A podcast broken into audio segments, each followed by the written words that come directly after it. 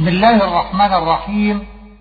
الشريط الثامن والعشرون من كتاب التسهيل للإمام ابن جزي رحمه الله تعالى. تتمة سورة الدخان.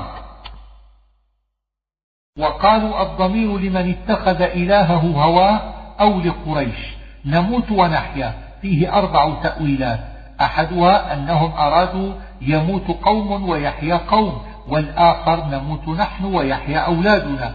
الثالث نموت حين كنا عدما أو نطفا ونحيا في الدنيا. والرابع نموت الموت المعروف ونحيا قبله في الدنيا. فوقع في اللفظ تقديم وتأخير ومقصودهم على كل وجه إنكار الآخرة. ويظهر أنهم كانوا على مذهب الدهرية لقولهم وما يهلكنا إلا الدهر. فرد الله عليهم بقوله وما لهم بذلك من علم الآية. قالوا ائتوا بآبائنا ذكر في الدخان. قل الله يحييكم. الآية رد على المنكرين للحشر والاستدلال على وقوعه بقدرة الله تعالى على الإحياء والإماتة وترى كل أمة جاثية. أي تجثو على الركب وتلك هيئة الخائف الذليل. كل أمة تدعى إلى كتابها أي إلى صحائف أعمالها وقيل الكتاب المنزل عليها والأول أرجح لقوله هذا كتابنا ينطق عليكم بالحق الآية فإن قيل كيف أضاف الكتاب تارة إليهم وتارة إلى الله تعالى؟ فالجواب أنه أضافه إليهم لأن أعمالهم ثابتة فيه وأضافه إلى الله تعالى لأنه مالكه وأنه هو الذي أمر الملائكة أن يكتبوه. إنا كنا نستنسخ ما كنتم تعملون أي نأمر الملائكة الحافظين بكتب أعمالكم وقيل إن الله يأمر الحفظة أن تنسخ أعمال العباد من اللوح المحفوظ ثم يمسكونه عندهم فتأتي أفعال العباد على ذلك فتكتبها الملائكة فذلك هو الاستنساخ. وكان ابن عباس يحتج على ذلك بأن يقول لا يكون الاستنساخ إلا من أصل. أفلم تكن تقديره يقال لهم ذلك. وحاق ذكر مرارا اليوم ننساكم النسيان هنا بمعنى الترك وأما في قوله كما نسيتم فيحتمل أن يكون بمعنى الترك أو الذهول ولا هم يستعتبون من العتبى وهي الرضا. سورة الأحقاف. تنزيل ذكر في الزمر إلا بالحق ذكر مرارا وأجل مسمى يعني يوم القيامة. أروني ماذا خلقوا؟ احتجاج على التوحيد ورد على المشركين. فالأمر بمعنى التعجيز. شرك في السماوات أي نصيب؟ إيتوني بكتاب تعجيز. لأنهم ليس لهم كتاب يدل على الإشراك بالله بل الكتب كلها ناطقة بالتوحيد أو أثارة من علم أي بقية من علم قديم يدل على ما يقولون وقيل معناه من علم تثيرونه أي تستخرجونه وقيل هو الإسناد وقيل هو الخط في الرمل وكانت العرب تتكهن به وقال رسول الله صلى الله عليه وآله وسلم كان نبي من الأنبياء يخط في الرمل فمن وافق خطه فذاك. ومن أضل الآية معناها لا أحد أضل ممن يدعو إلها لا يستجيب له وهي الأصنام فإنها لا تسمع ولا تعقل. ولذلك وصفها بالغفلة عن دعائهم لأنها لا تسمع. وإذا حشر الناس كانوا لهم أعداء أي كان الأصنام أعداء للذين عبدوها. وكانوا بعبادتهم كافرين. الضمير في كانوا للأصنام أي تتبرأ الأصنام من الذين عبدوها. وإنما ذكر الأصنام بضمائر مثل ضمائر العقلاء لأنه أسند إليهم ما يسند إلى العقلاء من الاستجابة والغفلة والعداوة. قل إن افتريته فلا تملكون لي من الله شيئا.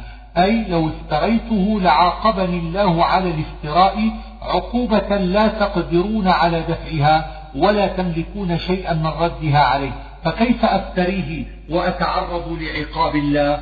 هو أعلم بما تفيضون فيه أي بما تتكلمون به. يقال أفاض الرجل في الحديث إذا خاض فيه واستمر.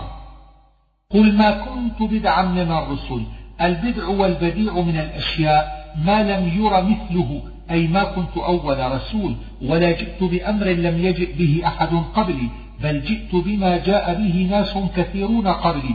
فلأي شيء تنكرون ذلك؟ وما أدري ما يفعل بي ولا بكم. فيها أربعة أقوال. الأول أنها في أمر الآخرة وكان ذلك قبل أن يعلم أنه في الجنة. وقيل أن يعلم أن المؤمنين في الجنة وأن الكفار في النار وهذا بعيد. لأنه لم يزل يعلم ذلك من أول ما بعثه الله. والثاني أنها في أمر الدنيا أي لا أدري بما يقضي الله علي وعليكم فإن مقادير الله مغيبة وهذا هو الأظهر. الثالث ما أدري ما يفعل بي ولا بكم من الأوامر والنواهي وما تلزمه الشريعة. الرابع أن هذا كان في الهجرة إذ كان رسول الله صلى الله عليه وسلم قد رأى في المنام أنه يهاجر إلى أرض بها نخل فقلق المسلمون لتأخير ذلك فنزلت هذه الآية. قل أرأيتم إن كان من عند الله وكفرتم به؟ معنى الآية أرأيتم إن كان القرآن من عند الله وكفرتم به؟ ألستم ظالمين؟ ثم حذف قوله ألستم ظالمين وهو الجواب لأنه دل على أن الله لا يهدي القوم الظالمين. وشهد شاهد من بني إسرائيل على مثله. هذه الجملة معطوفة على الجملة التي قبلها. فالمعنى أرأيتم إن اجتمع كون القرآن من عند الله مع شهادة شاهد من بني إسرائيل على مثله ثم آمن به هذا الشاهد وكفرتم أنتم. ألستم أضل الناس وأظلم الناس؟ واختلف في الشاهد المذكور على ثلاثة أقوال. أحدها أنه عبد الله بن سلام. فقيل على هذا إن الآية مدنية لأنه إنما أسلم بالمدينة وقيل إنها مكية وأخبر بشهادته قبل وقوعها ثم وقعت على حسب ما أخبر. وكان عبد الله بن سلام يقول في نزلت الآية. الثاني أنه رجل من بني إسرائيل كان بمكة. الثالث أنه موسى عليه السلام ورجح ذلك الطبري والضمير في مثله للقرآن أي يشهد على مثله فيما جاء به من التوحيد والوعد والوعيد. الضمير في آمن للشاهد فإن كان عبد الله بن سلام أو الرجل الآخر فإيمانه بين وإن كان موسى عليه السلام فإيمانه هو تصديقه بأمر محمد صلى الله عليه وسلم وتبشيره به. وقال الذين كفروا للذين آمنوا لو كان خيرا ما سبقونا إليه أي لو كان الإسلام خيرا ما سبقنا إليه هؤلاء. والقائلون لهذه المقالة هم أكابر قريش لما أسلم الضعفاء كبلال وعمار وصهيب وقيل بل قالها كنانة وقبائل من العرب لما أسلمت غفار ومزينة وجهينة. وقيل بل قالها اليهود لما أسلم عبد الله بن سلام. والأول أرجح لأن الآية مكية وكانت مقالة قريش بمكة. وأما مقالة الآخرين فإنها كانت بعد الهجرة. ومعنى للذين آمنوا من أجل الذين آمنوا أي قالوا ذلك عنهم في غيبتهم. وليس المعنى أنهم خاطبوهم بهذا الكلام لأنه لو كان خطابا لقالوا ما سبقتمونا. وإذ لم يهتدوا به فسيقولون هذا إفك قديم. أي لما لم يهتدوا قالوا هذا إفك قديم ونحو هذا ما جاء في المثل من جهل شيئا عاداه ووصفه بالقدم لأنه قد قيل قديما فإن قيل كيف تعمل فسيقولون في إذ وهي للماضي والعامل مستقبل فالجواب أن العامل في إذ محذوف تقديره إذ لم يهتدوا به ظهر عنادهم فسيقولون قال ذلك الزمخشري ويظهر لي أن إذ هنا بمعنى التعليل لا ظرفية بمعنى الماضي فلا يلزم السؤال. والمعنى أنهم قالوا هذا إفك قديم بسبب أنهم لم يهتدوا به. وقد جاءت إذ للتعليل في القرآن وفي كلام العرب ومنه ولن ينفعكم اليوم إذ ظلمتم أي بسبب ظلمكم. ومن قبله كتاب موسى إماما ورحمة. الضمير في قبله للقرآن وكتاب موسى هو التوراة وإماما حال ومعناه يقتدى به. وهذا كتاب مصدق لسانا عربيا الإشارة بهذا إلى القرآن ومعنى مصدق بما, مصدق بما قبله من الكتب وقد ذكرنا ذلك في البقرة. ولسانا حال من الضمير في مصدق وقيل مفعول بمصدق أي صدق ذا لسان عربي وهو محمد صلى الله عليه وسلم واختار هذا ابن عطية. استقاموا ذكر في حاميم السجدة. حسنا ذكر في العنكبوت. حملته أمه كرها ووضعته كرها أي حملته بمشقة ووضعته بمشقة. ويقال كره بفتح الكاف وضمها بمعنى واحد وحمله وفصاله ثلاثون شهرا. أي مدة حمله ورضاعه ثلاثون شهرا وهذا لا يكون إلا بأن ينقص من أحد الطرفين.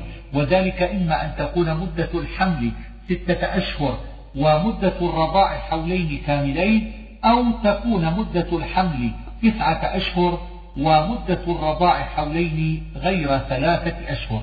ومن هذا أخذ علي بن أبي طالب رضي الله عنه والعلماء أن أقل مدة الحمل ستة أشهر وإنما عبر عن مدة الرضاع وهو الفطام لأنه منتهى الرضاع. بلغ أشده ذكر في يوسف وبلغ أربعين سنة هذا حد كمال العقل والقوة. ويقال إن الآية نزلت في أبي بكر الصديق رضي الله عنه وقيل إنها عامة. في أصحاب الجنة أي في جملة أصحاب الجنة كما تقول رأيت فلانا في الناس أي مع الناس. والذي قال لوالديه أف لكما. قال مروان بن الحكم نزلت في عبد الرحمن بن أبي بكر الصديق حين كفره. كان أبوه وأمه يدعوانه إلى الإسلام فيأبى ويقول لهما أف. وأنكرت عائشة رضي الله عنها ذلك وقالت والله ما نزل في آل أبي بكر شيء من القرآن إلا براءتي. ويبطل ذلك قطعا قوله تعالى أولئك الذين حق عليهم القول لأن عبد الرحمن بن أبي بكر الصديق أسلم وكان من خيار المسلمين وكان له في الجهاد غنى عظيم وقال السدي ما رأيت أعبد منه وقال ابن عباس نزلت ابن لأبي بكر ولم يسمه ويرد ذلك ما ذكرناه عن عائشة وقيل هي على الإطلاق في من كان على هذه الصفة من الكفر والعقوق لوالديه ويدل على أنها عامة قوله تعالى أولئك الذين حق عليهم القول بصيغة الجمع. ولو أراد واحدا بعينه لقال ذلك الذي حق عليه القول. وقد ذكرنا معنى أف في الإسراء. أتعدانني أن أخرج؟ أي أتعدانني أنا أن أخرج من القبر إلى البعث؟ وقد خلت القرون من قبلي. أي وقد مضت قرون من الناس ولم يبعث منهم أحد وهما يستغيثان الله الضمير لوالديه أي يستغيثان بالله من كراهتهما لما يقول منهما ثم يقولان له ويلا ثم يأمرانه بالإيمان فيقول ما هذا إلا أساطير الأولين أي قد سطره الأولون في كتبهم وذلك تكذيب بالبعث والشريعة. ولكل درجات مما عملوا. أي للمحسنين والمسيئين درجات في الآخرة بسبب أعمالهم فدرجات أهل الجنة إلى علو ودرجات أهل النار إلى أسفل. وليوفيهم تعليل بفعل محذوف وبه يتعلق. تقديره جعل جزاءهم درجات ليوفيهم أعمالهم ويوم يعرض. العامل فيه محذوف. تقديره أذكر. أذهبتم طيباتكم تقديره يقال لهم أذهبتم طيباتكم والطيبات هنا الملاذ من المآكل وغيرها. وقرئ أذهبتم بهمزة واحدة على الخبر وبهمزتين على التوبيخ.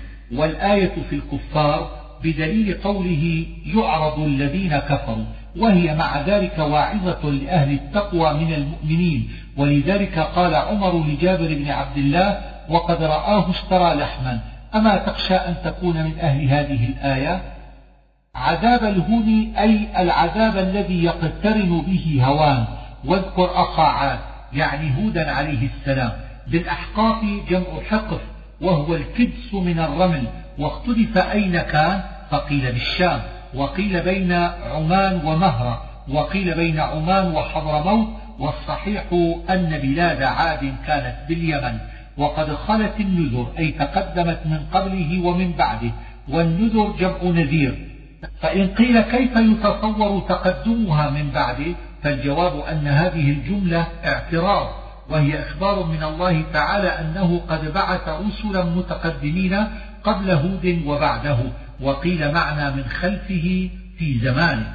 قل إنما العلم عند الله. أي قل إن العذاب الذي قلت مؤتنا به ليس لي علم متى يكون وإنما يعلمه الله وما علي إلا أن أبلغكم ما أرسلت به. فلما رأوه عارضا مستقبل أوديتهم العارض السحاب الذي يعرض في أفق السماء والضمير في رأوه يعود على ما تعدنا أو على المرئي المبهم الذي فسره قوله عارضا. قال الزمخشري وهذا أغرب وأفصح. وروي أنهم كانوا قد قحطوا مدة فلما رأوا هذا العارض ظنوا أنه مطر ففرحوا به. فقال لهم هود عليه السلام بل هو ما استعجلتم به من العذاب وقوله ريح بدل من ما استعجلتم أو خبر ابتداء مضمر.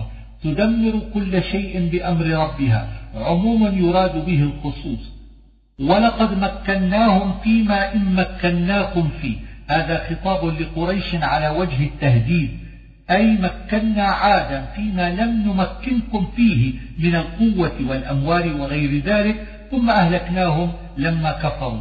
وإن هنا نافية بمعنى ما؟ وعدل عن ما؟ كراهية لاجتماعها مع التي قبلها. وقيل إن شرطية وجوابها محذوف تقديره إن مكناكم فيه طغيتم. قال ابن عطية وهذا تنطع في التأويل. ولقد أهلكنا ما حولكم من القرى يعني بلاد عاد وثمود وسبأ وغيرها والمراد إهلاك أهلها. فلولا نصرهم الآية عرض معناه النفي أي لم تنصرهم آلهتهم التي عبدوها من دون الله. قربانا أي تقربوا بهم إلى الله وقالوا هؤلاء شفعاؤنا عند الله. وانتصاب قربانا على الحال. ولا يصح أن يكون قربانا مفعولا ثانيا لاتخذوا وآلهة بدل منه لفساد المعنى. قال قاله الزمخشري وقد أجازه ابن عطية. بل ضلوا عنهم أي تلفوا لهم وغابوا عن نصرهم حين احتاجوا إليهم. وإذ صرفنا إليك نفرا من الجن أي أملناهم نحوك والنفر دون العشرة. وروي أن الجن كانوا سبعة وكانوا كلهم ذكرانا لأن النفر الرجال دون النساء وكانوا من أهل نصيبين وقيل من أهل الجزيرة. واختلف هل رآهم النبي صلى الله عليه وآله وسلم؟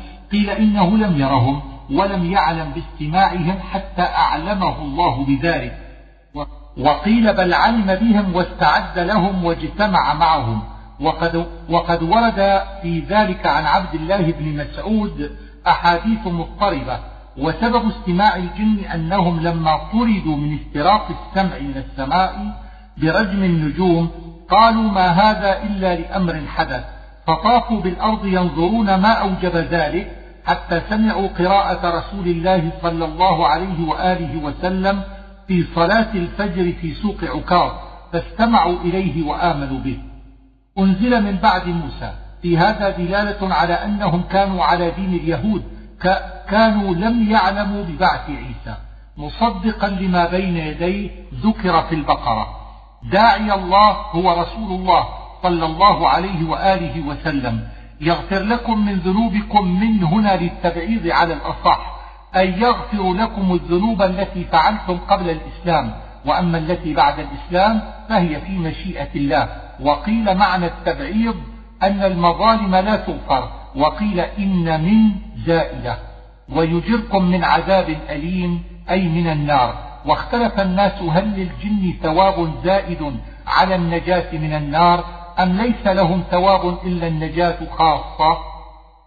ومن لا يجر داعي الله الآية يحتمل أن يكون من كلام الجن أو من كلام الله تعالى ومعنى ليس بمعجز أي لا يفوت.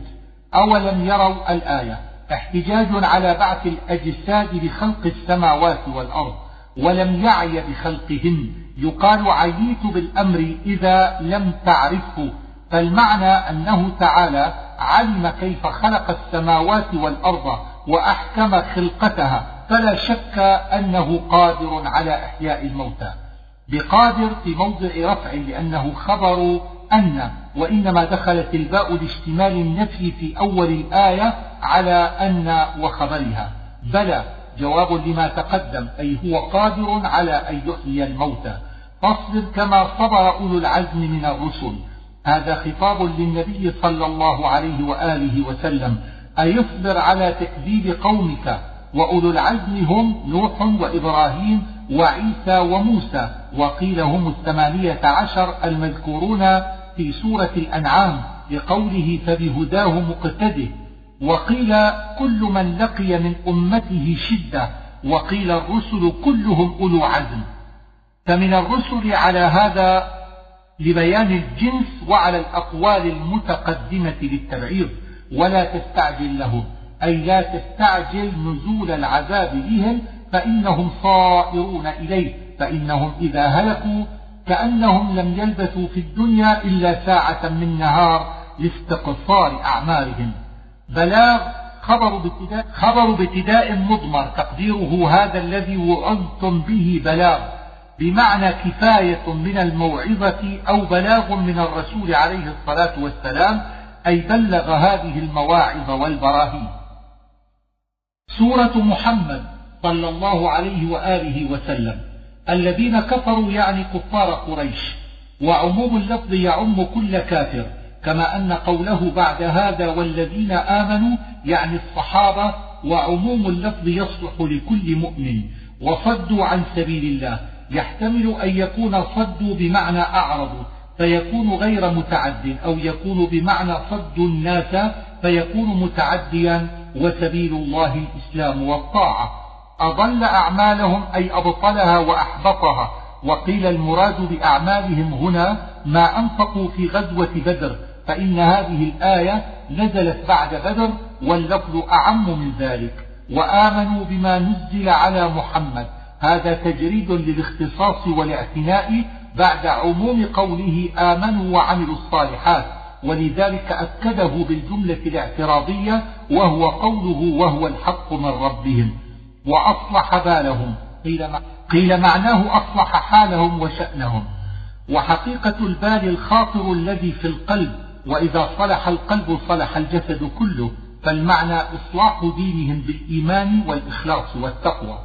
فضرب الرقاب أصله فاضربوا الرقاب ضربا ثم حذف الفعل وأقام المصدر مقامه والمراد اقتلوهم ولكن عبر عنه بضرب الرقاب لأنه الغالب في صفة القتل حتى إذا أثخنتموهم أي هزمتموهم والإثخان أن يكثر فيهم القتل والأسر. فشدوا الوثاق عبارة عن الأسر فإما منا بعد وإما فداء. المن العتق والفداء فك الأسير بمال وهما جائزان. فإن مذهب مالك أن الإمام مخير في الأسارة بين خمسة أشياء وهي المن والفداء والقتل والاسترقاق وضرب الجزية.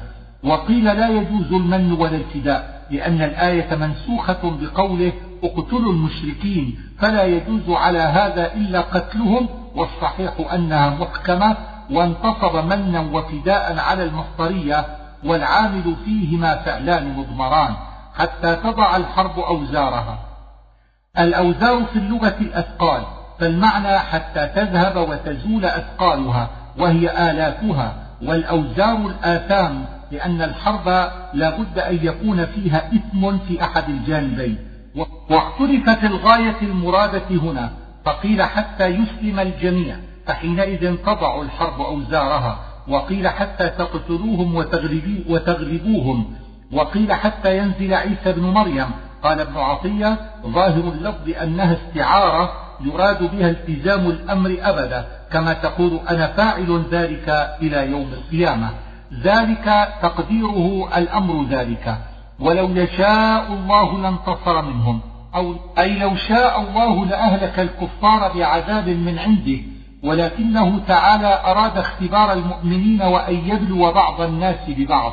عرفها لهم أي جعلهم يعرفون منازلهم فيها فهو من المعرفة. وقيل معناه طيبها لهم فهو من العرف وهو طيب الرائحة وقيل معناه شرفها ورفعها فهو من الأعراف التي هي الجبال فتعسا لهم أي عثارا وهلاكا وانتصابه على المصدرية والعامل فيه فعل مضمر وعلى هذا الفعل عطف وأضل أعمالهم وللكافرين أمثالها أي لكفار قريش أمثال عاقبة الكفار المتقدمين من الدمار والهلاك.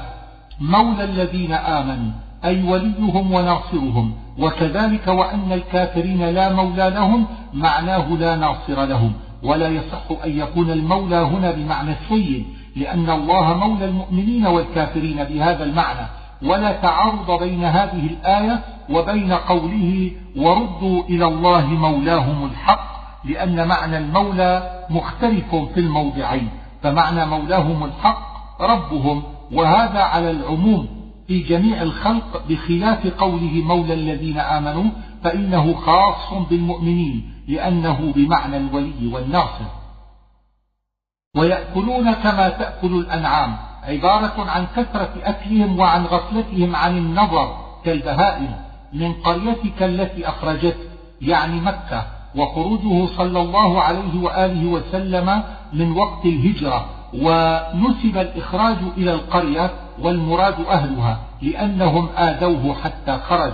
أهلكناهم الضمير للقرى المتقدمة المذكورة في قوله وكأي من قرية وجمعه حملا على المعنى والمراد أهلكنا أهلها أفمن كان على بينة أي على حجة ويعني به النبي صلى الله عليه وآله وسلم كما يعني قريشا بقوله كمن زين له سوء عمله اللفظ واللفظ أعم من ذلك مثل الجنة ذكر في الرعد غير آت أي غير متغير كمن هو خالد في النار تقديره أمثل أهل الجنة المذكورة كمن هو خالد في النار فحذف هذا على التقدير والمراد به النفي وإنما حذف لدلالة التقدير المتقدم وهو قوله أفمن كان على بينة من ربه؟ ومنهم من يستمع إليك يعني المنافقين وجاء يستمعون بلفظ الجمع رعيا لمعنى من؟ قالوا, قالوا للذين أوتوا العلم. روي أنه عبد الله بن مسعود. ماذا قال آنفا؟ كانوا يقولون ذلك على أحد وجهين إما احتقارا لكلامه كأنهم قالوا أي فائدة فيه وإما جهلا منهم ونسيانا لأنهم كانوا وقت كلامه معرضين عنه وآنفا معناه الساعة الماضية قريبا وأصله من استأنفت الشيء إذا ابتدأته. عليه وآله وسلم. والذين اهتدوا زادهم هدى يعني المؤمنين والضمير في زادهم لله تعالى. أو للكلام الذي قال فيه المنافقون ماذا قال آنفا. وقيل يعني بالذين اهتدوا قوما من النصارى آمنوا بسيدنا محمد صلى الله عليه وآله وسلم فاهتداؤهم هو إيمانهم بعيسى وزيادة هداهم إسلامهم. فهل ينظرون إلا الساعة؟ الضمير للمنافقين والمعنى ينتظرون إلا الساعة لأنها قريبة.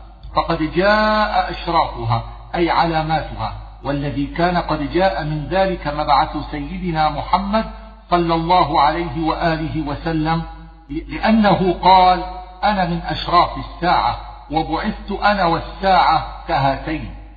فأنى لهم إذا جاءتهم ذكراهم أي كيف لهم الذكرى إذا جاءتهم الساعة بغتة فلا يقدرون على عمل ولا تنفعهم التوبة. ففاعل جاءتهم الساعة وذكراهم مبتدأ وخبره الاستفهام المتقدم والمراد به الاستبعاد. فاعلم أنه لا إله إلا الله أي دم على العلم بذلك. واستدل بعضهم بهذه الآية على أن النظر والعلم قبل العمل لأنه قدم قوله فاعلم على قوله واستغفر.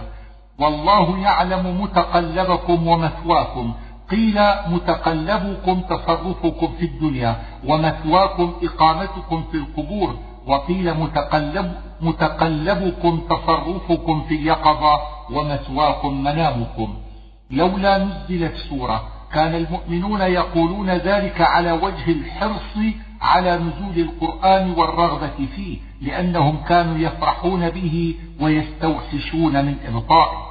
محكمة يحتمل أن يريد بالمحكمة أي ليس فيها منسوخ أو يراد متقنة. وقرأ ابن مسعود سورة محدثة رأيت الذين في قلوبهم مرض ينظرون إليك يعني المنافقين ونظرهم ذلك من شدة الخوف من القتل لأن نظر الخائف قريب من نظر المغشي عليه. فأولى لهم في معناه قولان أحدهما أنه بمعنى أحق وخبره على هذا طاعة والمعنى أن الطاعة والقول المعروف أولى لهم وأحق والآخر أن أولى لهم كلمة معناها التهديد والدعاء عليهم كقولك ويل لهم ومنه أولى لك فأولى فيوقف على أولى لهم على هذا القول ويكون طاعة ابتداء كلام تقديره طاعة وقول معروف أمثل. أو المغلوب منهم طاعة وقول معروف. وقولهم لك يا محمد طاعة وقول معروف بألسنتهم دون قلوبهم. فإذا عزم الأمر أسند العزم إلى الأمر مجازا كقولك نهاره صائم وليله قائم. صدقوا الله. يحتمل أن يريد صدق اللسان أو صدق العزم والنية وهو أظهر. فهل عسيتم إن توليتم أن تفسدوا في الأرض وتقطعوا أرحامكم؟ هذا خطاب للمنافقين المذكورين. خرج من الغيبة إلى الخطاب ليكون أبلغ في التوبيخ والمعنى. هل يتوقع منكم الإفساد في الأرض وقطع الأرحام إن توليتم؟ ومعنى توليتم صرتم ولاة على الناس وصار الأمر لكم. وعلى هذا قيل إنها نزلت في بني أمية. وقيل معناه أعرضتم عن الإسلام. إن الذين ارتدوا على أدبارهم نزلت في المنافقين الذين نافقوا بعد إسلامهم وقيل نزلت في قوم من اليهود كانوا قد عرفوا نبوة سيدنا محمد صلى الله عليه وآله وسلم من التوراة ثم كفروا به سول لهم أي زين لهم ورجاهم ومناهم وأملى لهم أي مد لهم في الأمان والآمال.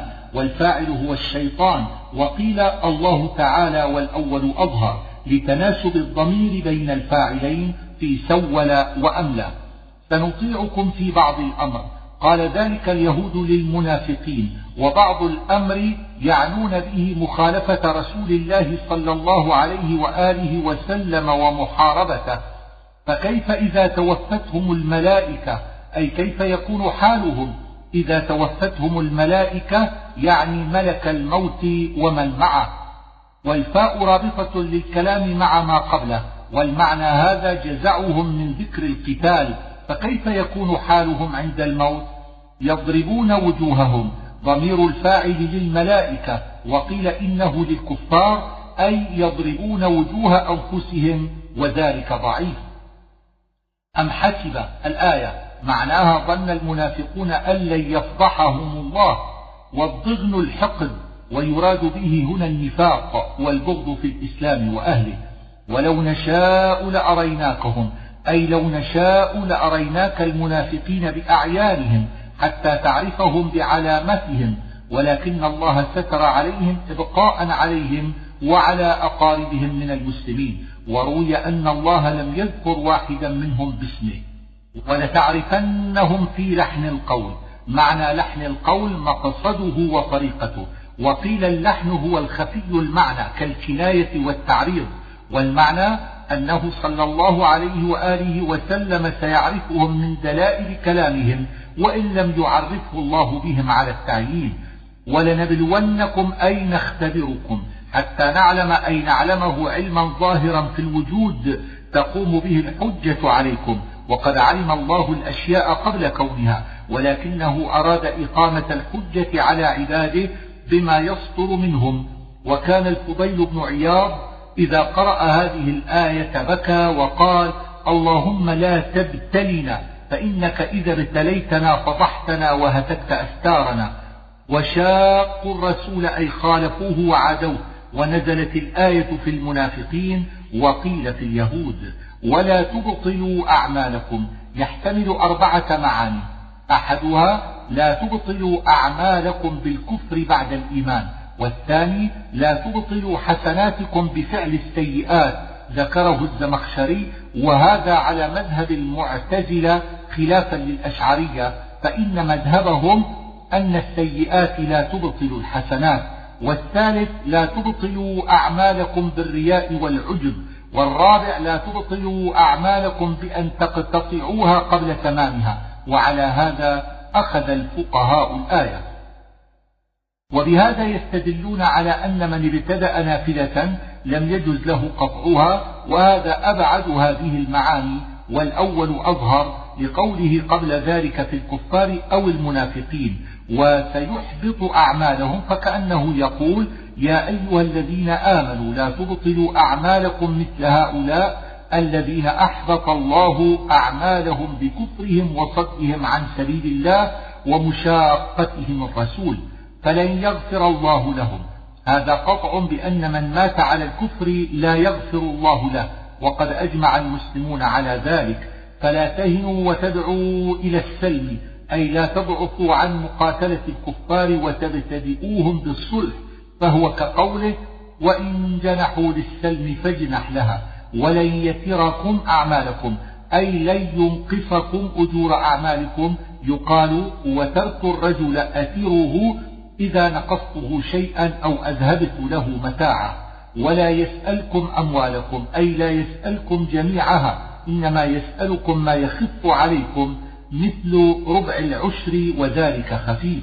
إن يسألكموها فيحفكم تبخلوا معنى يحفكم يلح عليكم والإحفاء أشد السؤال وتبخل جواب الشر. ويخرج أضغانكم الفاعل الله تعالى أو البخل. والمعنى يخرج ما في قلوبكم من البخل وكراهة الإنفاق. هؤلاء منصوب على التخصيص أو منادى. لتنفقوا في سبيل الله يعني الجهاد والزكاة. ومن يبخل فإنما يبخل عن نفسه أي إنما ضرر بخله على نفسه فكأنه بخل على نفسه بالثواب الذي يستحقه بالإنفاق. وإن تتولوا يستبدل قوما غيركم أي يأتي بقوم على خلاف صفتكم بل راغبين في الإنفاق في سبيل الله فقيل إن هذا الخطاب لقريش والقوم غيرهم هم الأنصار وهذا ضعيف لأن الآية مدنية نزلت والأنصار حاضرون وقيل الخطاب لكل من كان حينئذ بالمدينة والقوم هم أهل اليمن وقيل فارس. سورة الفتح. نزلت هذه السورة حين انصرف رسول الله صلى الله عليه وآله وسلم من الحديبية. لما أراد أن يعتمر بمكة فصده المشركون وقال رسول الله صلى الله عليه وآله وسلم لعمر وهما راجعان إلى المدينة لقد نزلت علي سورة هي أحب إلي من الدنيا وما فيها. إنا فتحنا لك فتحا مبينا. يحتمل هذا الفتح في اللغة أن يكون بمعنى الحكم أي حكمنا لك في أعدائك أو من الفتح بمعنى العطاء كقوله ما يفتح الله للناس من رحمة أو من فتح البلاد. واختلف في المراد بهذا الفتح على أربعة أقوال. الأول أنه فتح مكة وعده الله به قبل أن يكون وذكره بلفظ الماضي لتحققه وهو على هذا بمعنى فتح البلاد. الثاني أنه ما جرى في الحديبية من بيعة الرضوان ومن الصلح الذي عقده رسول الله صلى الله عليه وآله وسلم مع قريش وهو على هذا بمعنى الحكم أو بمعنى العطاء. ويدل على صحة هذا القول أنه لما وقع صلح الحديبية شق ذلك على بعض المسلمين بشروط كانت فيه حتى أنزل الله هذه السورة ويتبين أن ذلك الصلح له عاقبة محمودة وهذا هو الأصح لأنه روي أنها لما نزلت قال بعض الناس ما هذا الفتح وقد صدنا المشركون عن البيت فبلغ ذلك رسول الله صلى الله عليه وآله وسلم فقال بل هو أعظم الفتوح. قد رضي المشركون أن يدفعوكم عن بلادهم بالروح ورغبوا إليكم في الأمان. الثالث أنه ما أصاب المسلمون بعد الحديبية من الفتوح كفتح خيبر وغيرها. الرابع أنه الهداية إلى الإسلام ودليل هذا القول قوله ليغفر الله لك فجعل الفتح علة للمغفرة. ولا حجة في ذلك إذ يتصور في الجهاد وغيره أن يكون علة للمغفرة أيضا أو تكون اللام للصيرورة للصيرورة والعاقبة لا للتعليل فيكون المعنى إنا فتحنا لك فتحا مبينا فكان عاقبة أمرك أن جمع الله لك بين سعادة الدنيا والآخرة بأن غفر لك وأتم نعمته عليك وهداك ونصرك.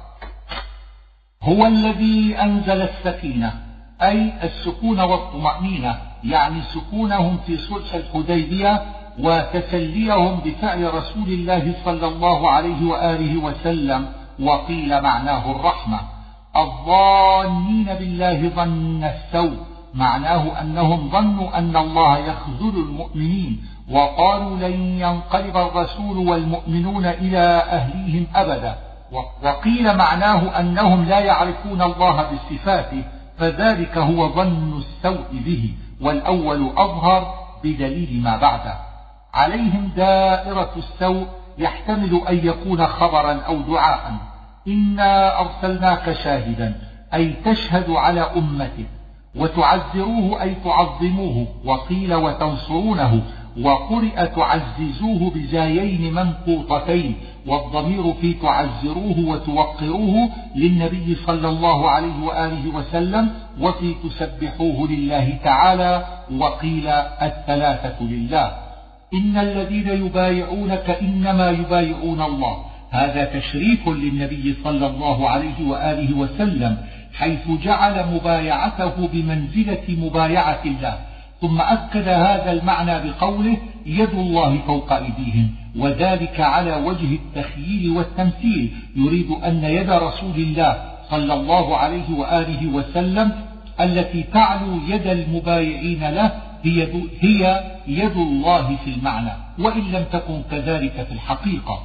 وإنما المراد أن عقد ميثاق البيعة مع رسول الله صلى الله عليه وسلم كعقده مع الله. كقوله من يطع الرسول فقد أطاع الله وتأول المتأولون ذلك بأن يد الله معناها النعمة أو القوة وهذا بعيد هنا ونزلت الآية في بيعة الرضوان تحت الشجرة وسنذكرها بعد. فمن نكث فإنما ينكث على نفسه يعني أن ضرر نكثه على نفسه ويراد بالنكث هنا نقض البيعة. سيقول لك المخلفون من الأعراب الآية سماهم بالمخلفين لأنهم تخلفوا عن غزوة الحديبية والأعراب هم أهل البوادي من العرب لما خرج رسول الله صلى الله عليه وآله وسلم إلى مكة يعتمر رأوا أنه يستقبل عدوا كثيرا من قريش وغيرهم فقعدوا عن الخروج معه ولم يكن إيمانهم متمكنا فظنوا أنه لا يرجع هو والمؤمنون من ذلك السفر ففضحهم الله في هذه السورة وأعلم رسوله صلى الله عليه وآله وسلم بقولهم واعتذارهم قبل أن يصل إليهم وأعلمه أنهم كاذبون في اعتذارهم. يقولون بألسنتهم ما ليس في قلوبهم يحتمل أن يريد قولهم شغلتنا أموالنا وأهلنا لأنهم كذبوا في ذلك. أو قولهم فاستغفر لنا لأنهم قالوا ذلك رياء من غير صدق ولا توبة. قوما بورا أي هالكين من البوار وهو الهلاك ويعني به الهلاك في الدين. سيقول المخلفون الآية أخبر الله رسوله صلى الله عليه وآله وسلم أن المخلفين عن غزوة الحديبية يريدون الخروج معه إذا خرجوا إلى غزوة أخرى هي غزوة خيبر. فأمر الله بمنعهم من ذلك وأن يقول لهم لن تتبعونا. يريدون أن يبدلوا كلام الله أي يريدون أن يبدلوا وعد الله لأهل الحديبية. وذلك أن الله وعدهم أن يعوضهم من غنيمة مكة غنيمة خيبر وفتحها وأن يكون ذلك مختصا بهم دون غيرهم. وأراد المخلفون أن يشاركوهم في ذلك فهذا هو ما أرادوا من التبديل. وقيل كلام الله قوله فلن تخرجوا معي أبدا ولن تقاتلوا معي عدوا. وهذا ضعيف لأن هذه الآية نزلت بعد رجوع رسول الله صلى الله عليه وآله وسلم من تبوك بعد الحديبية بمدة. كذلك قال الله من قبل يريد وعده باختصاصه أهل الحديبية بغنائم خيبر. فسيقولون بل تحسدوننا. معناه يعز عليكم أن نصيب معكم مالا وغنيمة. وبل هنا للإضرار عن الكلام المتقدم وهو قوله لن تتبعونا كذلكم قال الله من قبل. فمعناها رد أن يكون الله حكم بأن لا يتبعوهم. وأما بل في قوله تعالى بل كانوا لا يفقهون إلا قليلا فهي إضراب عن وصف المؤمنين بالحسد وإثبات لوصف المخلفين بالجهل. إلى قوم أولي بأس شديد اختلف في هؤلاء القوم على أربعة أقوال. الأول أنهم هوازن ومن حارب النبي صلى الله عليه وسلم في غزوة خيبر. الثاني أنهم الروم إذ دعا رسول الله صلى الله عليه وسلم إلى قتالهم في غزوة تبوك. والثالث أنهم أهل الردة من بني حنيفة وغيرهم الذين قاتلهم أبو بكر الصديق والرابع أنهم الفرس. ويتقوى الأول والثاني بأن ذلك ظهر في حياة رسول الله صلى الله عليه وآله وسلم وقوى المنذر بن سعيد القول الثالث بأن الله جعل حكمهم القتل أو الإسلام ولم يذكر الجزية. قال وهذا لا يوجد إلا في أهل الردة. قلت وكذلك هو موجود في كفار العرب إذ لا تؤخذ منهم الجزية فيقوي ذلك أنهم هوازن أو يسلمون عطف على تقاتلونهم. وقال ابن عطية هو مستأنف. وإن تتولوا كما توليتم من قبل يريد في غزوة الحديبية. ليس على الأعمى حرج. الآية معناها أن الله تعالى عذر الأعمى والأعرج والمريض في تركهم للجهاد لسبب أعذارهم. لقد رضي الله عن المؤمنين إذ يبايعونك تحت الشجرة. قال رسول الله صلى الله عليه وآله وسلم لا يدخل النار إن شاء الله أحد من أهل الشجرة الذين بايعوا تحتها. وفي الحديث أنهم كانوا ألفا وأربعمائة وقيل ألفا وخمسمائة وسبب هذه البيعة أن رسول الله صلى الله عليه وآله وسلم لما بلغ الحديبية وهي موضع على نحو عشرة أميال من مكة أرسل عثمان بن عفان رضي الله عنه رسولا إلى أهل مكة يخبرهم أنه إنما جاء ليعتمر وأنه لا يريد حربا فلما وصل إليهم عثمان حبسه أقاربه كرامة له فصرخ صارخ أن عثمان قد قتل فدعا رسول الله صلى الله عليه وآله وسلم الناس إلى البيعة على القتال وأن لا يفر أحد وقيل بايعوه على الموت. ثم جاء عثمان بعد ذلك سالما وانعقد الصلح بين رسول الله صلى الله عليه وآله وسلم وبين أهل مكة على أن يرجع ذلك العام ويعتمر في العام القابل. والشجرة المذكورة كانت سمرة هنالك ثم ذهبت بعد سنين فمر عمر بن الخطاب بالموضع في خلافته فاختلف الصحابة في موضعها. فعلم ما في قلوبهم يعني من صدق الإيمان وصدق العزم على ما بايعوا عليه. وقيل من كراهة البيعة على الموت وهذا باطل لأنه ذم بالصحابة وقد ذكرنا السكينة. وأثابهم فتحا قريبا يعني فتح خيبر. وقيل فتح مكة والأول أشهر أي جعل الله ذلك ثوابا لهم على بيعة الرضوان زيادة على ثواب الآخرة. وأما المغانم المذكورة أولا فهي غنائم خيبر وهي المعطوفة على الفتح القريب. وأما المغانم الكثيرة التي وعدهم الله وهي المذكورة ثانيا فهي كل ما يغنم المسلمون إلى يوم القيامة. والإشارة بقوله فعجل لكم هذه إلى خيبر. وقيل إن المغانم التي وعدهم هي خيبر والإشارة بهذه إلى صلح الحديبية.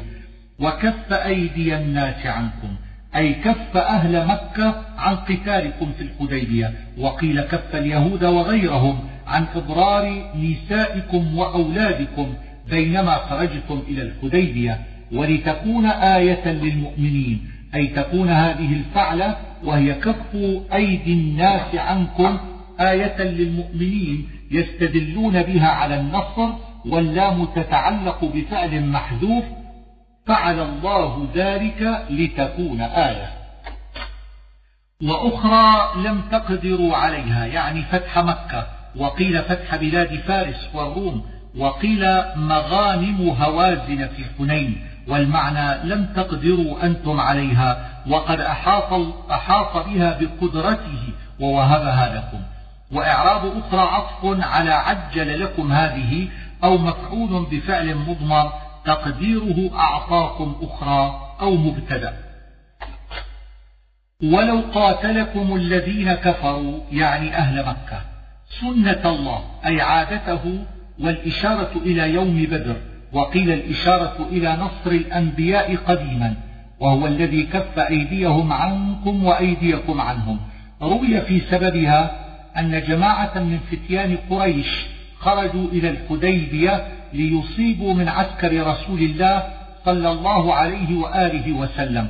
فبعث إليهم رسول الله صلى الله عليه وآله وسلم خالد بن الوليد في جماعة من المسلمين فهزموهم وأثروا منهم قوما وساقوهم إلى رسول الله صلى الله عليه وسلم فأطلقهم.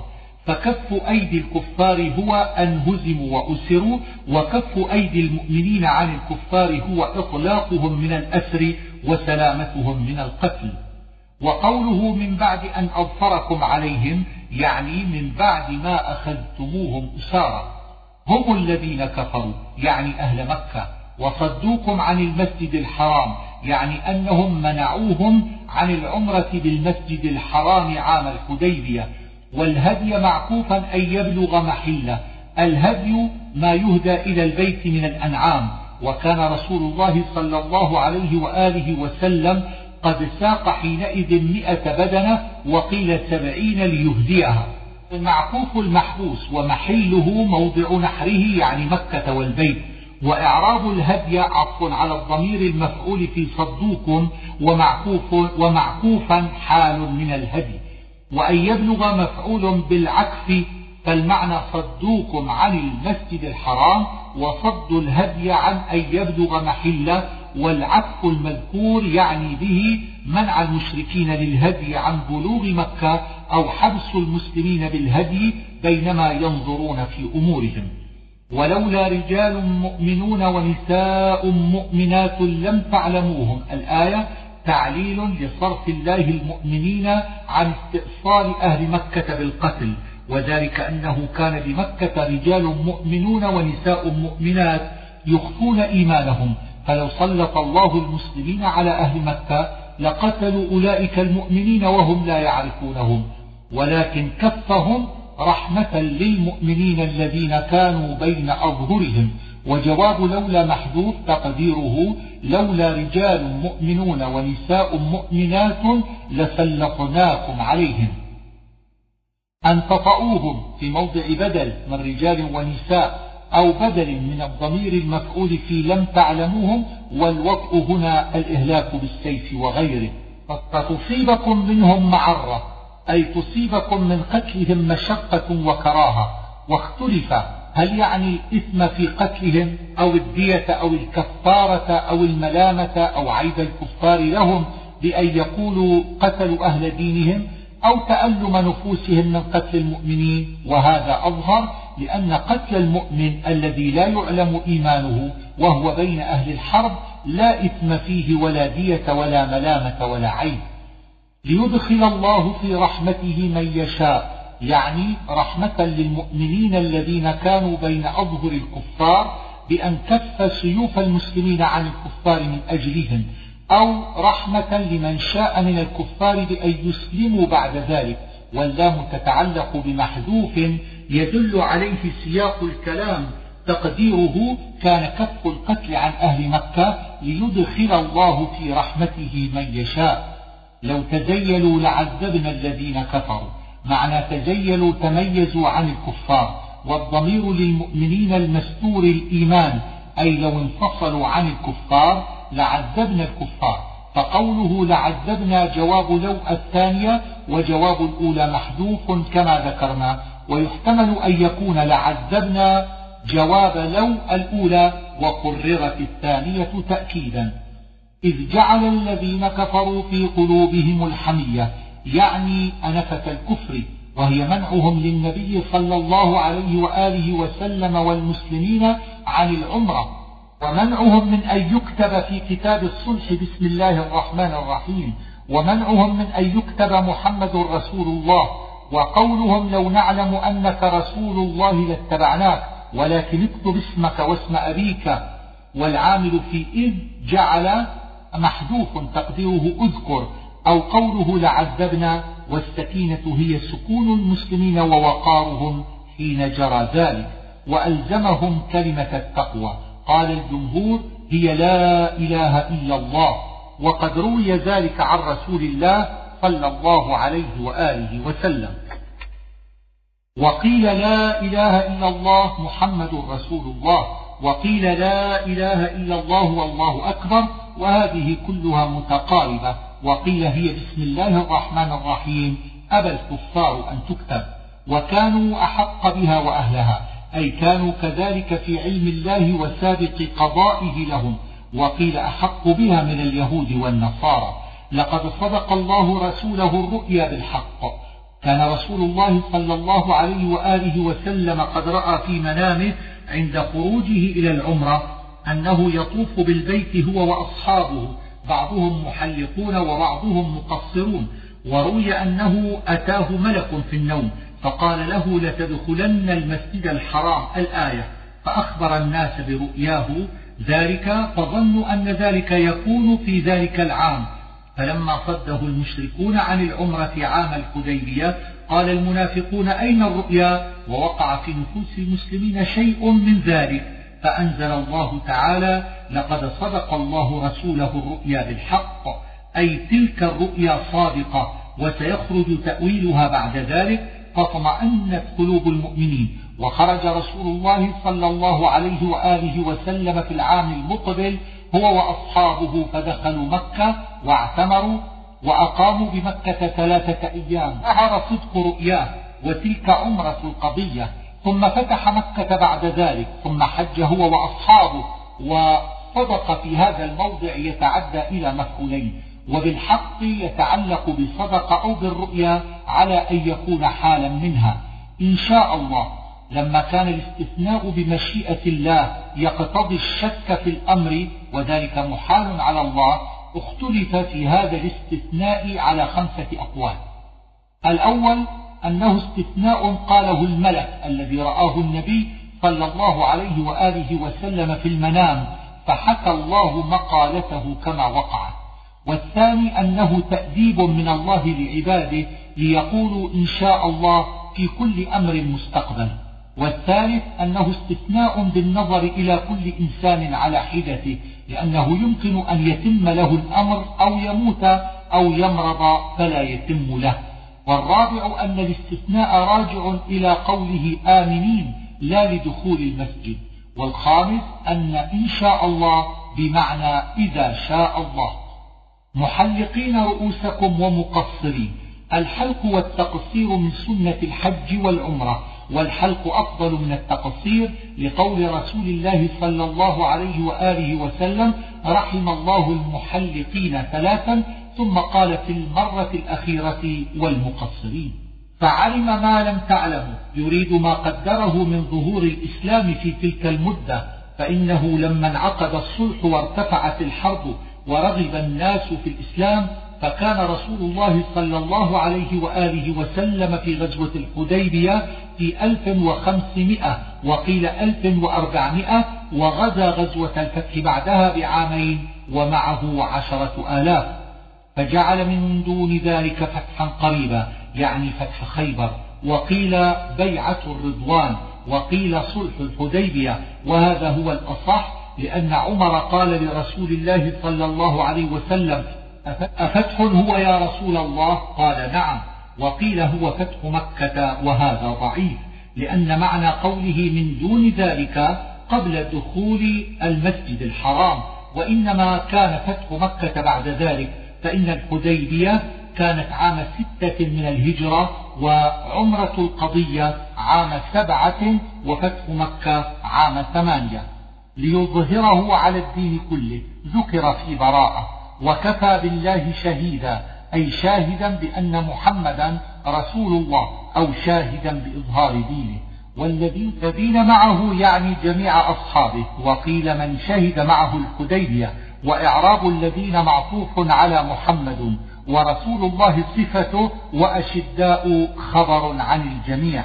وقيل, وقيل الذين معه مبتدأ وأشداء خبره ورسول الله خبر محمد.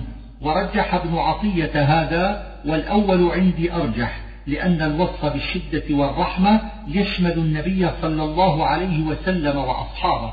وأما على ما اختاره ابن عطية فيكون الوصف بالشدة والرحمة مختصا بالصحابة دون النبي صلى الله عليه وسلم وما أحق النبي صلى الله عليه وآله وسلم بالوصف بذلك لأن الله قال فيه بالمؤمنين رؤوف رحيم وقال جاهد الكفار والمنافقين واغلظ عليهم. فهذه هي الشدة على الكفار والرحمة بالمؤمنين. سيماهم في وجوههم. السيما العلامة. وفيه ستة أقوال. الأول أنه الأثر الذي يحدث في جبهة المصلي من كثرة السجود. والثاني أنه أثر التراب في الوجه. الثالث أنه صفرة الوجه من السهر والعبادة. والرابع حسن الوجه.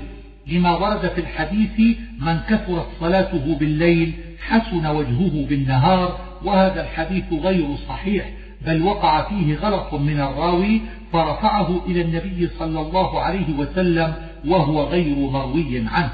الخامس أنه الخشوع.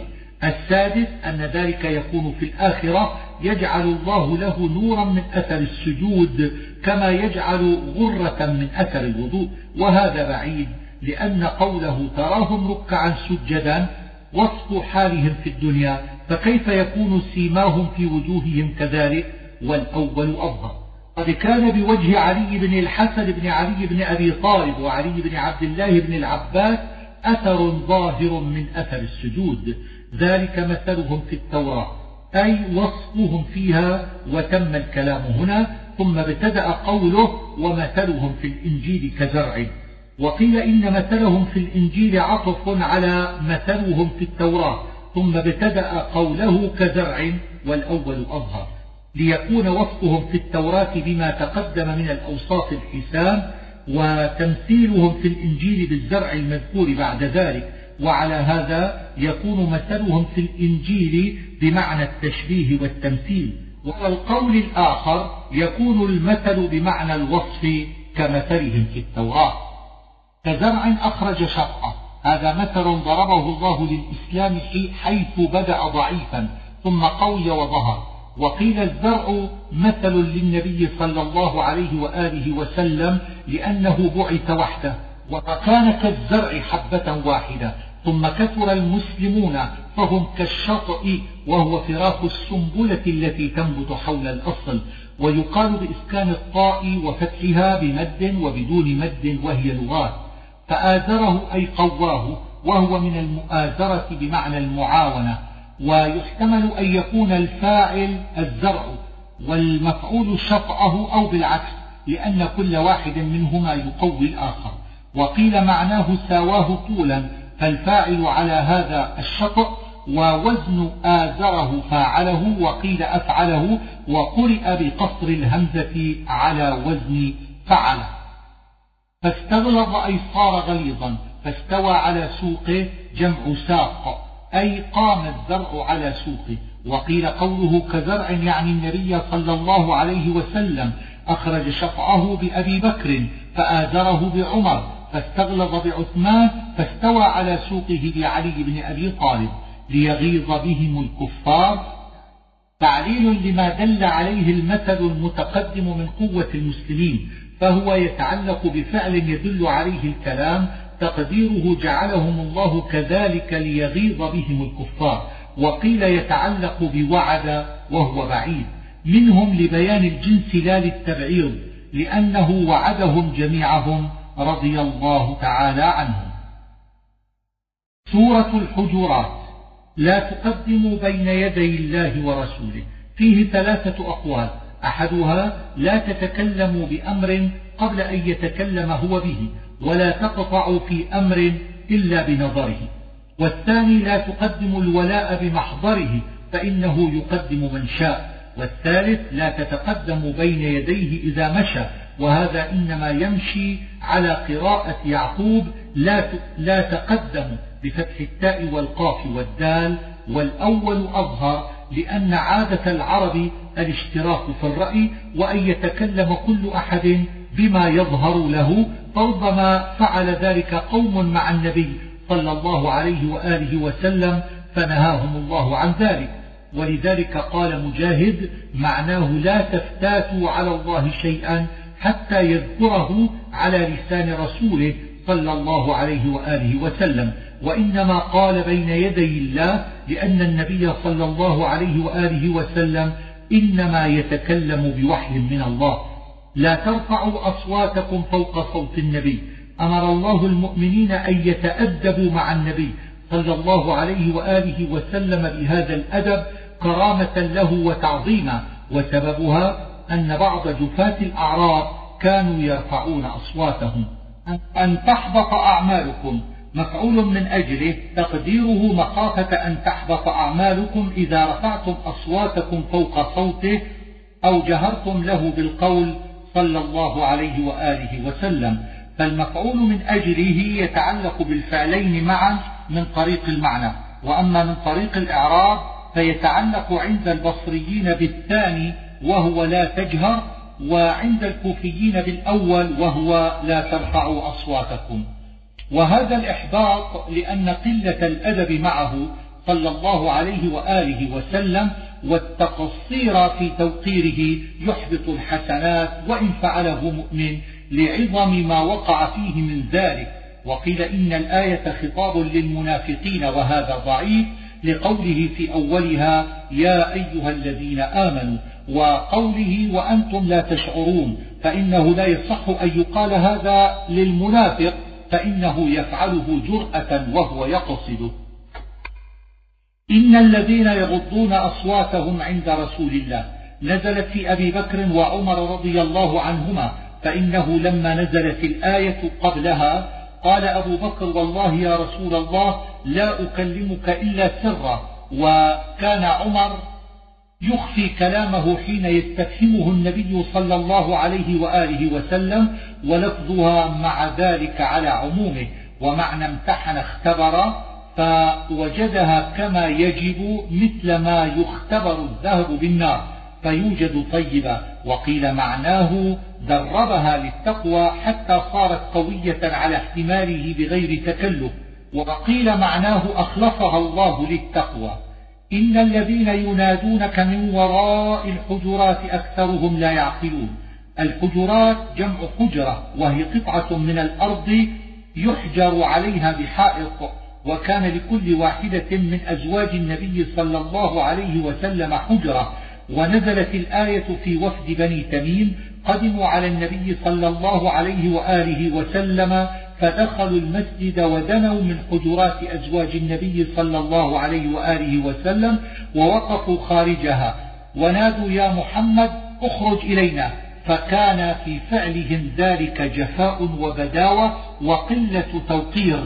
فتربص بهم رسول الله صلى الله عليه وآله وسلم مدة ثم خرج إليهم. فقال له واحد منهم وهو الأقرع بن حارث يا محمد إن مدحي زين وذمي شين. فقال له رسول الله صلى الله عليه وسلم ويحك ذلك الله تعالى. أكثرهم لا يعقلون. يحتمل وجهين أحدهما أن يكون فيهم قليل ممن يعقل ونفي العقل عن أكثرهم لا عن جميعهم والآخر أن يكون جميعهم ممن لا يعقل وأوقع القلة موضع النفي والأول أظهر في مقتضى اللفظ والثاني أبلغ في الذم. ولو ولو أنهم صبروا حتى تخرج إليهم لكان خيرا لهم. يعني خيرا في الثواب وفي انبساط نفس النبي صلى الله عليه وآله وسلم وقضائه حوائجهم وإنكار فعلهم فيه تأديب لهم وتعليم لغيرهم. إن جاءكم فاسق بنبأ فتبينوا. سببها أن النبي صلى الله عليه وآله وسلم بعث الوليد بن عقبة بن أبي معيط إلى بني المصطلق ليأخذ زكاتهم فروي أنه كان معاديا لهم. فأراد إذايتهم فرجع من بعض طريقه فكذب عليهم وقال للنبي صلى الله عليه وآله وسلم إنهم قد منعوني الصدقة وطردوني وارتدوا فغضب رسول الله صلى الله عليه وسلم وهم بغزوهم ونظر في ذلك فورد وفدهم منكرين لذلك. وروي أن, وروي أن الوليد بن عقبة لما قرب منهم خرجوا إليهم متلقين له فرآهم على بعد ففزع منهم وظن بهم الشر فانصرف فقال ما قال. وروي أنه بلغه أنهم قالوا لا نعطيه صدقة ولا نطيعه. فانصرف وقال ما قال. فالفاسق, فالفاسق المشار إليه في الآية هو الوليد بن عقبة ولم يزل بعد ذلك يفعل أفعال الفساق حتى صلى بالناس صلاة الصبح أربع ركعات وهو سكران ثم قال لهم أزيدكم إن شئتم. ثم هي باقية في كل من اتصف بهذه الصفة إلى آخر الدهر. وقرئ فتبينوا من التبين وتثبتوا بالتاء من التثبت. ويقوي هذه القراءة أنها لما نزلت روي أن رسول الله صلى الله عليه وآله وسلم قال التثبت من الله والعجلة من الشيطان. واستدل بهذه الآية القائلون بقبول خبر الواحد لأن دليل الخطاب يقتضي أن خبر غير الفاسق مقبول. قال المنذر البلوطي وهذه الآية ترد على من قال إن المسلمين كلهم عدول لأن الله أمر بالتبين قبل القبول. فالمجهول الحال يخشى أن يكون فاسقا. أن تصيبوا قوما بجهالة في موضع المفعول من أجله تقديره مخافة أن تصيبوا قوما بجهالة والإشارة إلى قتال بني المصطلق لما ذكر عنهم الوليد ما ذكر.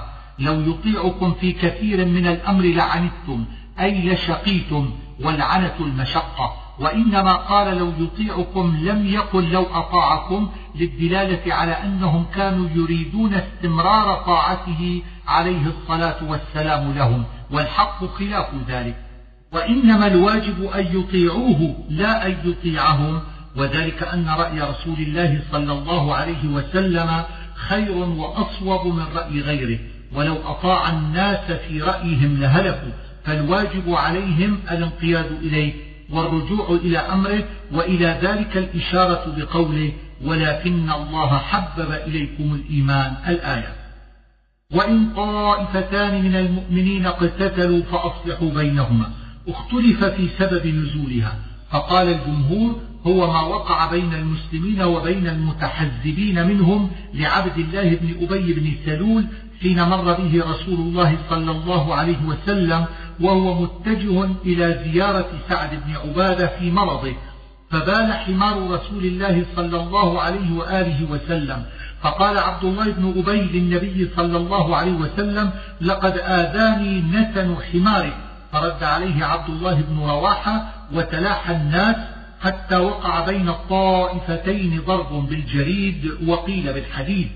وقيل سببها أن فريقين من الأنصار وقع بينهما قتال فصالحهم رسول الله صلى الله عليه وسلم بعد جهد ثم حكمها باق إلى آخر الدهر. وإنما قال اقتتلوا ولم يقل اقتتلا لأن الطائفة في معنى القوم والناس فهي في معنى الجمع. فإن بغت إحداهما على الأخرى فقاتلوا التي تبغي. أمر الله في هذه الآية بقتال الفئة الباغية وذلك إذا تبين أنها باغية. فأما الفتن التي تقع بين المسلمين فاختلف العلماء فيها على قولين. أحدهما أنه لا يجوز النهوض في شيء منها ولا القتال وهو مذهب سعد بن أبي وقاص وأبي ذر وجماعة من الصحابة رضي الله تعالى عنهم. وحجتهم قول رسول الله صلى الله عليه وسلم قتال المسلم كفر وأمره عليه الصلاة والسلام بكسر السيوف في الفتن. والقول الثاني أن النهوض فيها واجب لتكف الطائفة الباغية وهذا قول علي وعائشة وطلحة والزبير وأكثر الصحابة وهو مذهب مالك وغيره من الفقهاء وحجتهم هذه الآية. فإذا فرعنا على القول الأول فإن دخل داخل على من اعتزل الفريقين منزله يريد نفسه أو ماله فليدفعه عن نفسه. وإن أدى ذلك إلى قتله لقوله صلى الله عليه وسلم من قتل دون نفسه أو ماله فهو شديد. وإذا فرعنا على القول الثاني فاختلف مع من يكون النهوض في الفتن فقيل مع السواد الأعظم وقيل مع العلماء وقيل مع من يرى أنه أن الحق معه وحكم القتال في الفتن ألا يجهز على جريح ولا يطلب هارب ولا يقتل أسير ولا يقسم فيء حتى تفيء أي ترجع إلى الحق. فأصلحوا بين أخويكم. إنما ذكره بلفظ التثنية لأن أقل من يقع بينهم البغي اثنان. وقيل أراد بالأخوين الأوس والخزرج وقرئ بين إخوتكم بالتاء على الجمع وقرئ بين إخوانكم بالنون على الجمع أيضا. لا يسخر قوم من قوم نهي عن السخرية وهي الاستهزاء بالناس. عسى أن يكونوا خيرا منهم أي لعل المسخور منه خير من الساخر عند الله وهذا تعليل للنهي. ولا نساء من نساء لما كان القوم لا يقع إلا على الذكور عطف النساء عليهم. ولا تلمزوا أنفسكم أي لا يطعن بعضكم على بعض. واللمز العيب سواء كان بقول أو إشارة أو غير ذلك. وسنذكر الفرق بينه وبين الهمز في سورة الهمزة. وأنفسكم هنا بمنزلة قوله فسلموا على أنفسكم. ولا تنابزوا بالألقاب أي لا يدعو أحد أحدا بلقب. والتنابز بالألقاب التداعي بها. وقد أجاز المحدثون أن يقال الأعمش والأعرج ونحوه إذا دعت إليه الضرورة ولم يقصد النقص والاستخفاف.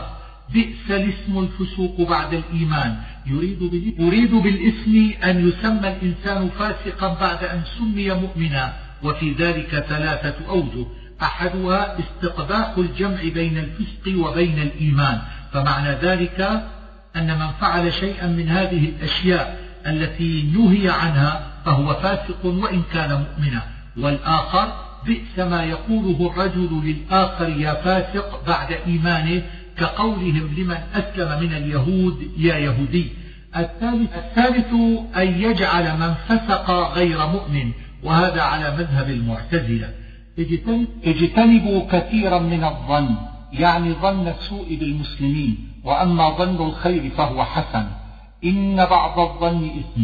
قيل في معنى الإثم هنا الكذب بقوله صلى الله عليه وآله وسلم الظن أكذب الحديث لأنه قد لا يكون مطابقا للأمر.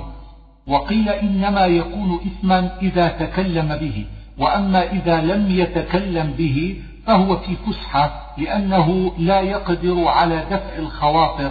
واستدل بعضهم بهذه الآية على صحة سد الذرائع في الشرع لأنه أمر باجتناب كثير من الظن وأخبر أن بعضه إثم فأمر باجتناب الأكثر من الإثم احترازا من الوقوع في بعض الذي هو إثم.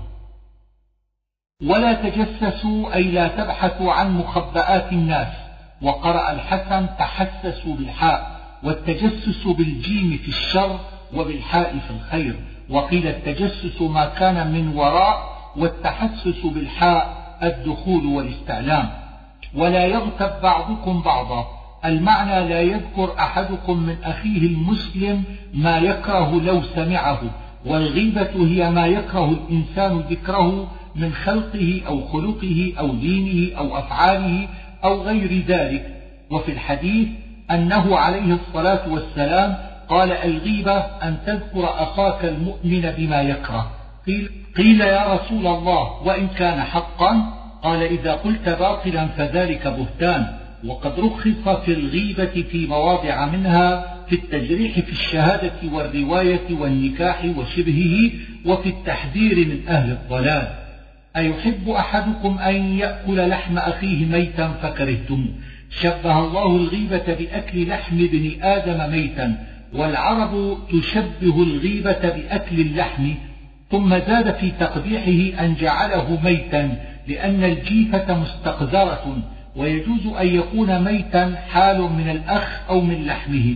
وقيل فكرهتموه إخبار عن حالهم بعد التقرير كأنه لما قررهم قال هل يحب أحدكم أن يأكل لحم أخيه ميتا؟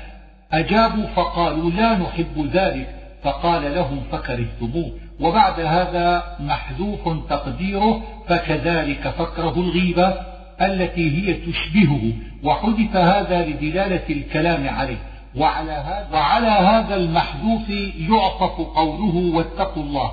قاله أبو علي الفارسي. وقال الرماني كراهة هذا اللحم يدعو إليه الطبع وكراهية الغيبة يدعو إليه العقل وهو أحق أن يجاب لأنه بصير عالم. والطبع أعمى جاهل. وقال الزمخشري في هذه الآية مبالغات كثيرة. منها الاستفهام الذي معناه التقرير. ومنها جعل ما هو في الغاية من الكراهة موصولا بالمحبة.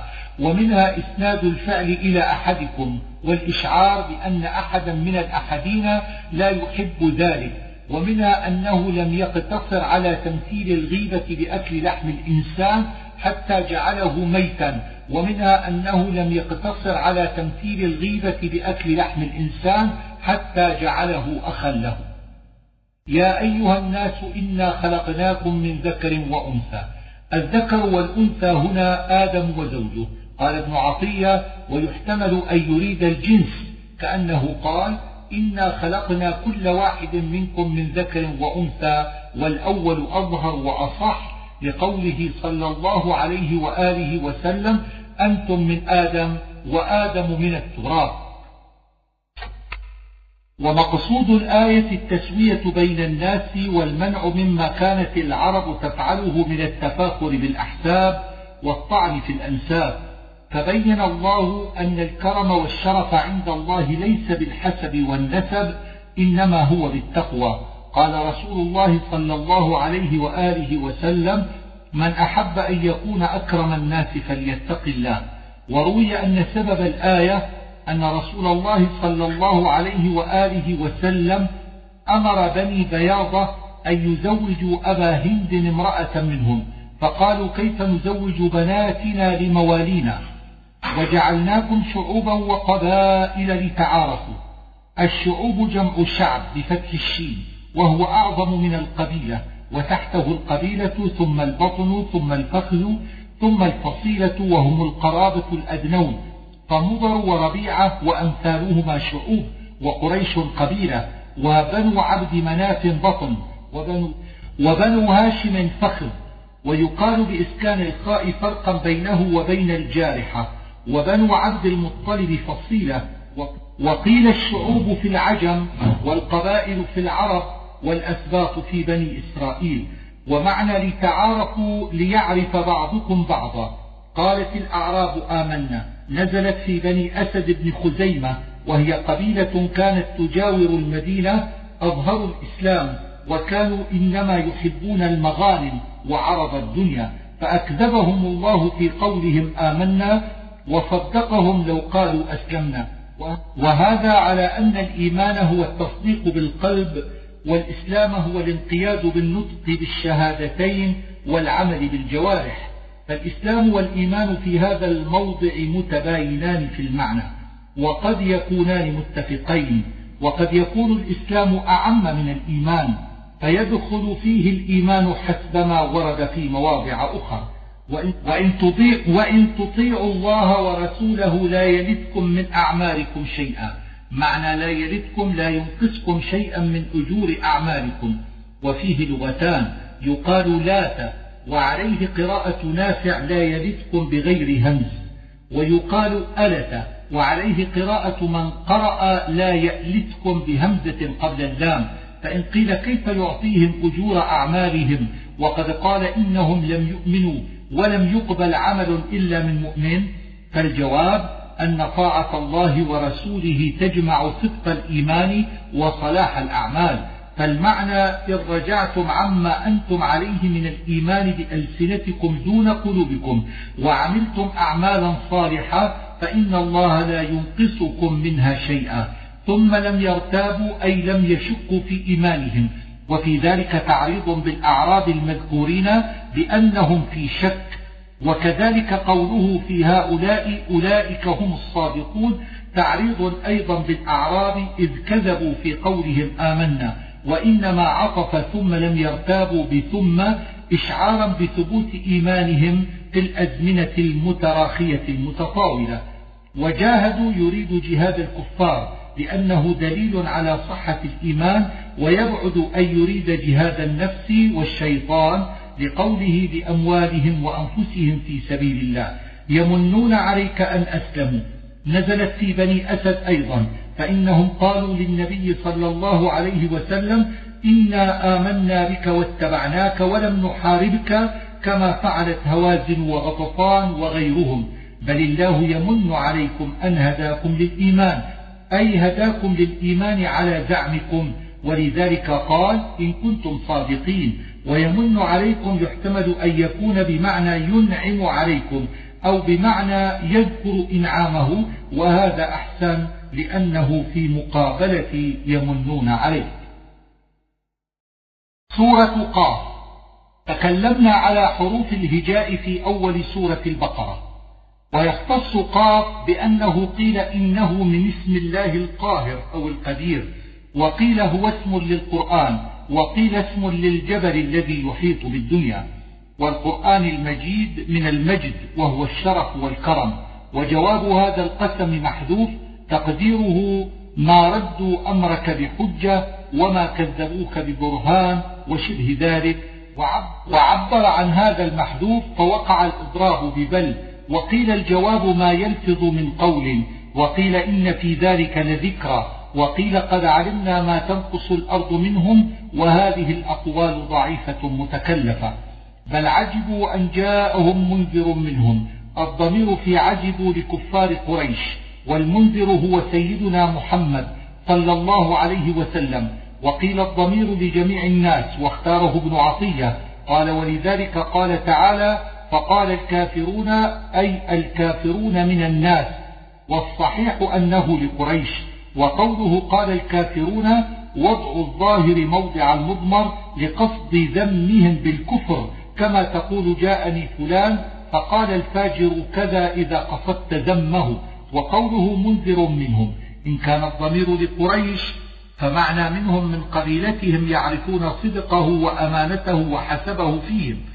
وإن كان الضمير لجميع الناس فمعنى منذر منهم إنسان مثلهم وتعجبهم يحتمل أن يكون من أن بعث الله بشرا أو من الأمر الذي يتضمنه الإنذار وهو الحشر ويؤيد هذا ما يأتي بعد. أإذا متنا وكنا ترابا العامل في إذا محذوف تقديره أنبعث إذا متنا ذلك رجع بعيد الرجع مصدر رجعته والمراد به البعث بعد الموت.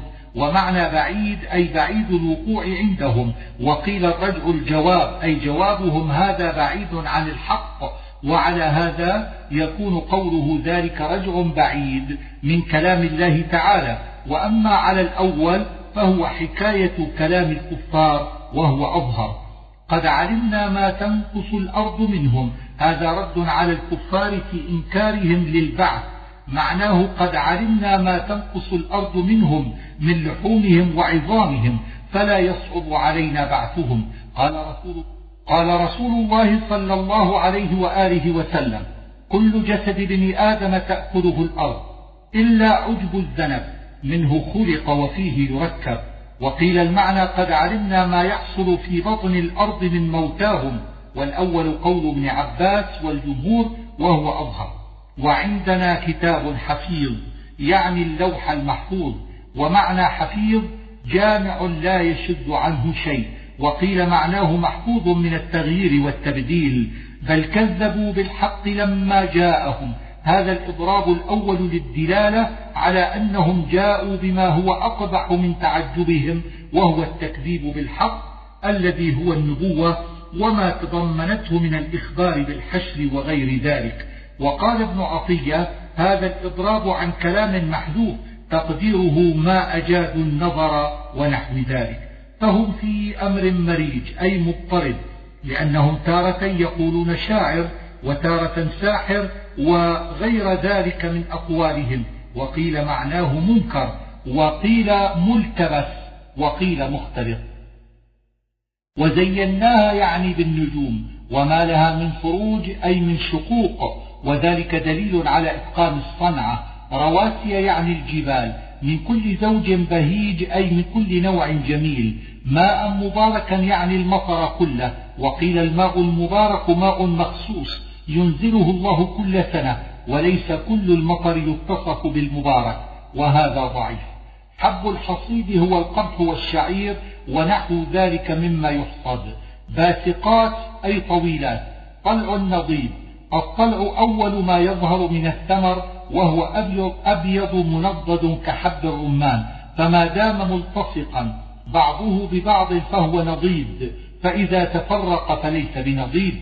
كذلك الخروج تمثيل لخروج الموتى من القبور بخروج النبات من الأرض. وأصحاب الرس قوم, قوم كانت لهم بئر عظيمة وهي الرس بعث إليهم نبي فجعلوه في الرس وردموا عليه فأهلكهم الله. وأصحاب الأيكة يعني قوم شعيب وقد ذكر وقوم تبع ذكر في الدخان فحق وعيد أي حل بهم الهلاك.